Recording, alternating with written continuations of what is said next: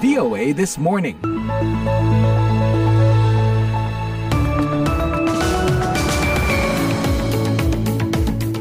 Selamat pagi, welcome to VOA This Morning yang kami siarkan live dari Studio 17 VOA di Washington DC bersama saya Rifan Dwi Astono. Apa kabar? Selamat Hari Rabu ya, hari ini tanggal 17 Mei 2023 juga diperingati sebagai Hari Telekomunikasi Sedunia. Ini hari yang mungkin banyak orang syukuri nih, karena kayak sekarang hampir semua kegiatan kita selalu terhubung dengan alat telekomunikasi ya. Mau ngobrol, rapat, berdagang, beli barang, sampai ketemu jodoh juga bisa tuh dilakukan dengan alat telekomunikasi di zaman sekarang ini. Mungkin termasuk Anda yang sedang mendengarkan VOA This Morning secara live streaming di www.voaindonesia.com ya. Yang jelas, pagi ini seperti biasa redaksi VOA sudah menyiapkan serangkaian berita hangat di antaranya, Amerika Serikat dan Spanyol akan bekerja sama untuk membentuk pusat migrasi regional di kawasan Amerika yang akan mendorong migrasi yang aman, tertib, dan manusiawi. Dan ketika kita semua memiliki kebutuhan untuk mencari tenaga kerja di sektor yang spesifik, kita juga ingin menunjukkannya. Amnesty International mengatakan ada 2 ribuan vonis hukuman dan 800-an eksekusi mati di tahun 2022. Amnesty mencatat adanya penurunan angka vonis hukuman mati baru pada tahun 2022, yaitu setidaknya 2052 pada tahun 2021, menjadi setidaknya sekarang 2016 pada tahun 2022. Jangan lupa siaran ini juga bisa Anda simak secara live streaming di situs kami www.voaindonesia.com atau dengarkan kapan saja melalui podcast VOA This Morning di platform podcast langganan Anda. Sebelum kita kupas dua informasi utama tadi, kita simak dulu berita dunia pagi ini. Selamat pagi, Departemen Kehakiman selasa mengumumkan rangkaian kasus kriminal. Mereka melacak aliran ilegal teknologi yang sensitif, termasuk kode piranti lunak Apple untuk mobil tanpa sopir, dan bahan yang digunakan untuk rudal ke musuh asing seperti Rusia, Tiongkok, dan Iran. Sebagian dugaan pencurian yang disorot departemen itu sudah ada sejak beberapa tahun lalu. Tetapi para pejabat Amerika baru menarik perhatian pada kumpulan kasus itu sekarang untuk menyoroti kerja gugus tugas yang dibentuk tahun ini dalam mencegah pengiriman barang ke luar negeri. We are committed to doing all we can prevent these advanced tools from falling into the hands of foreign adversaries. Kami berkomitmen untuk melakukan semua yang kami mampu untuk mencegah alat-alat canggih ini jatuh ke tangan musuh yang menggunakannya dengan cara yang tidak hanya mengancam keamanan nasional kita, tetapi juga nilai-nilai demokrasi di mana-mana, kata Matthew Olson, asisten jaksa agung dan kepala divisi keamanan nasional Departemen Kehakiman. Departemen Kehakiman dan Perdagangan awal tahun ini meluncurkan Disruptive Technology Strike Force sebagai cara untuk mencegah musuh-musuh Amerika memperoleh teknologi yang sensitif.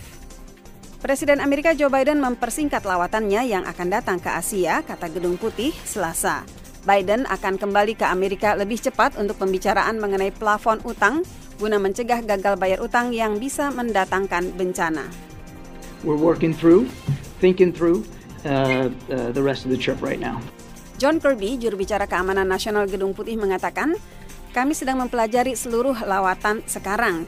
Ia menambahkan bahwa Biden akan berangkat ke Jepang pada Rabu sesuai jadwal, tetapi lawatannya ke Australia dan Papua Nugini dibatalkan. Biden akan menghadiri pertemuan puncak tiga hari para pemimpin G7 yang akan dimulai Jumat. Kirby mencatat bahwa Biden akan bertemu Perdana Menteri Australia Anthony Albanese dan Perdana Menteri India Narendra Modi di KTT G7 di Hiroshima, Jepang. Kirby mengata mengatakan kepada wartawan di persingkatnya lawatan Biden seharusnya dilihat sebagai cara presiden menempatkan prioritasnya secara benar.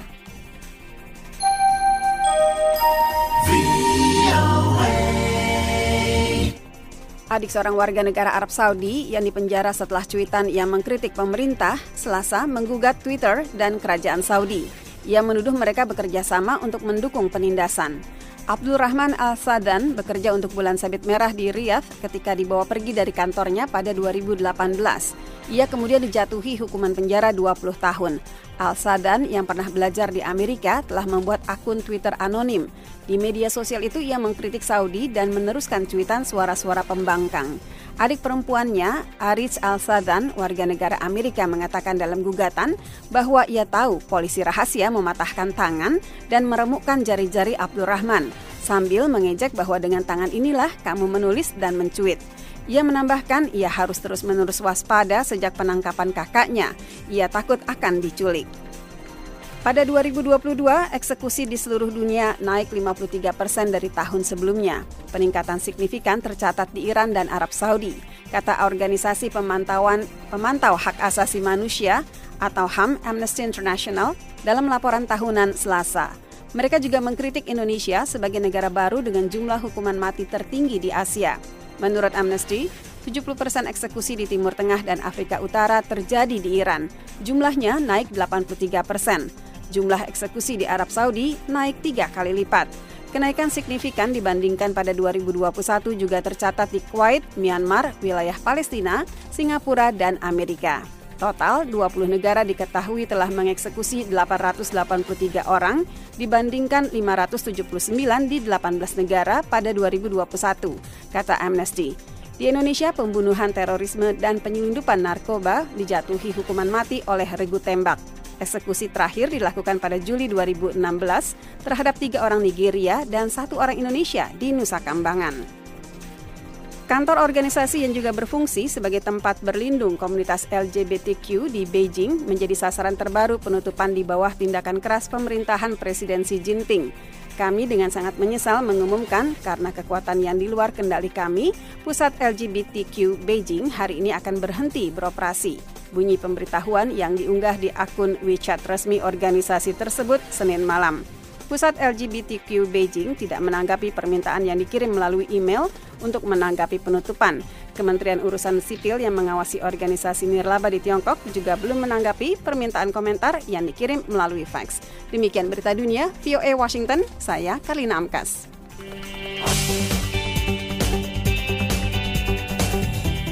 VOA This Morning, Menteri Luar Negeri Amerika Serikat Anthony Blinken dan Menteri Luar Negeri Spanyol Jose Manuel Alvarez Rabu lalu mengumumkan bahwa kedua negara akan bekerja sama untuk membentuk pusat migrasi regional di kawasan Amerika yang akan mendorong migrasi yang aman, tertib, dan manusiawi. Selengkapnya disampaikan Madeyoni.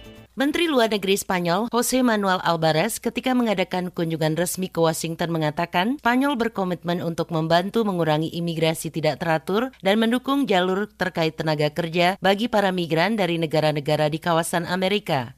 Y cuando todos nosotros tenemos en nuestros mercados de trabajo necesidades para encontrar mano de obra en sectores muy determinados. Dan ketika kita semua memiliki kebutuhan untuk mencari tenaga kerja di sektor yang spesifik, kita juga ingin menunjukkannya. Kita sudah melakukan dengan negara lain melalui program migrasi yang menunjukkan ada jalur imigrasi yang teratur, tertib, dan aman. Baru-baru ini Kanada, Spanyol, dan Amerika mengumumkan bahwa mereka akan bermitra untuk mempromosikan migrasi reguler melalui pembentukan pusat pemrosesan regional di negara-negara Amerika Latin. Jika memenuhi syarat, migran yang ditunjuk oleh pusat tersebut bisa diterima di Kanada atau Spanyol. Menurut Blinken, pusat-pusat tersebut juga akan memberikan kesempatan kepada calon migran untuk tetap berada di negara mereka sendiri dan menentukan apakah mereka memiliki jalur hukum untuk datang ke Amerika atau ke Spanyol. Uh, and uh, Canada has also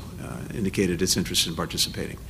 Um, that means that, uh, again, uh, would-be migrants can stay in their own country, uh, go to one of these centers, um, and find out whether they qualify for a legal pathway, including as uh, Jose Manuel laid out. Dan Kanada juga sudah mengisyaratkan akan ikut. Itu berarti calon migran bisa tetap tinggal di negara mereka sendiri, pergi ke salah satu pusat ini, dan mencari tahu apakah mereka memenuhi syarat guna menempuh jalur hukum termasuk seperti yang dijelaskan oleh Jose Manuel dengan sangat jelas jalur terkait pekerja atau tenaga kerja. Presiden Amerika Joe Biden telah mengupayakan kerjasama regional yang lebih besar dalam mengatasi migrasi tidak teratur di tengah berakhirnya pembatasan COVID-19 yang dikenal sebagai Peraturan 42 yang telah berakhir Kamis. Berdasarkan Peraturan 42 yang berlaku sejak Maret 2020, banyak pelintas perbatasan diusir ke Meksiko tanpa kesempatan untuk mencari suaka yang menyebabkan mereka berulang kali berusaha masuk. Blinken juga berterima kasih kepada Spanyol atas dukungannya terhadap Ukraina melawan Rusia. Perdana Menteri Spanyol Pedro Sanchez Jumat lalu juga telah bertemu Biden di Washington, termasuk membahas masalah mengenai Ukraina.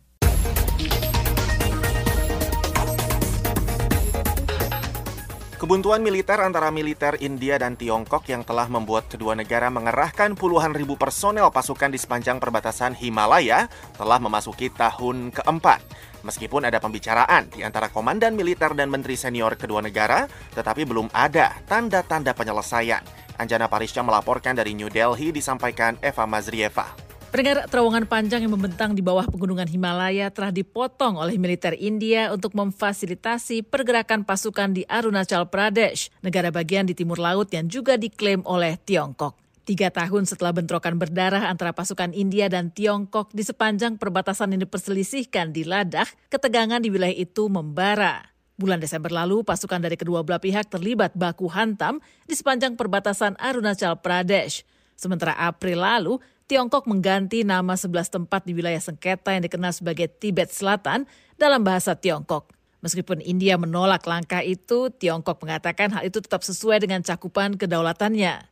Di India, ada kekhawatiran bahwa wilayah yang sebagian besar beragama Buddha itu telah menjadi sumber ketegangan baru antar negara tetangga yang sama-sama memiliki senjata nuklir. Wakil Presiden di Observer Research Foundation, Harspen, mengatakan, Now with China taking a much more uh, aggressive stance on Arunachal, dengan sikap Tiongkok yang jauh lebih agresif terhadap Arunachal, ada kekhawatiran Tiongkok ingin mengawasi perbatasan itu secara keseluruhan. Karenanya banyak melakukan tekanan pada India. Selain membangun jalan dan terowongan di kawasan itu, India juga meluncurkan sebuah program bernilai 570 juta dolar untuk mengembangkan desa-desa di perbatasan. Namun saat proyek-proyek itu berjalan, Tiongkok juga meningkatkan pasukan militer dan infrastruktur sipil mereka di sepanjang perbatasan. Brigadir NM Bendigeri yang mengepalai pasukan India di kawasan itu mengatakan kepada AFP, As regards to these uh, what they call Shokong villages, the model villages the Chinese are saying, terkait keberadaan desa-desa atau model desa yang oleh Tiongkok disebut sebagai Xiaokang berada tepat di seberang perbatasan kami. Ini mengkhawatirkan karena letaknya sangat dekat dengan perbatasan dan cara desa-desa itu dibangun, kemungkinan besar desa-desa itu digunakan oleh Tentara Pembebasan Rakyat atau PLA. India-China relations are not normal and cannot be normal if the peace and tranquility in the border areas is disturbed. Pembicaraan sudah beberapa kali dilangsungkan, tapi belum ada kemajuan berarti. Ketika Menteri Pertahanan dan Menteri Luar Negeri Tiongkok dan India bertemu di sela-sela forum regional bulan lalu, mereka tetap sama-sama gagal menemukan titik temu. India mengatakan hubungan tidak dapat dipulihkan hingga perselisihan soal perbatasan diselesaikan. Sementara Tiongkok menganggap perbatasan itu umumnya stabil dan kedua pihak sedianya menormalisasi hubungan. Kerentanan di Himalaya itu semakin membuat India dekat dengan Amerika. Perdana Menteri Narendra Modi pada bulan Juni nanti akan melawat ke Washington DC untuk memperkuat hubungan strategis kedua negara.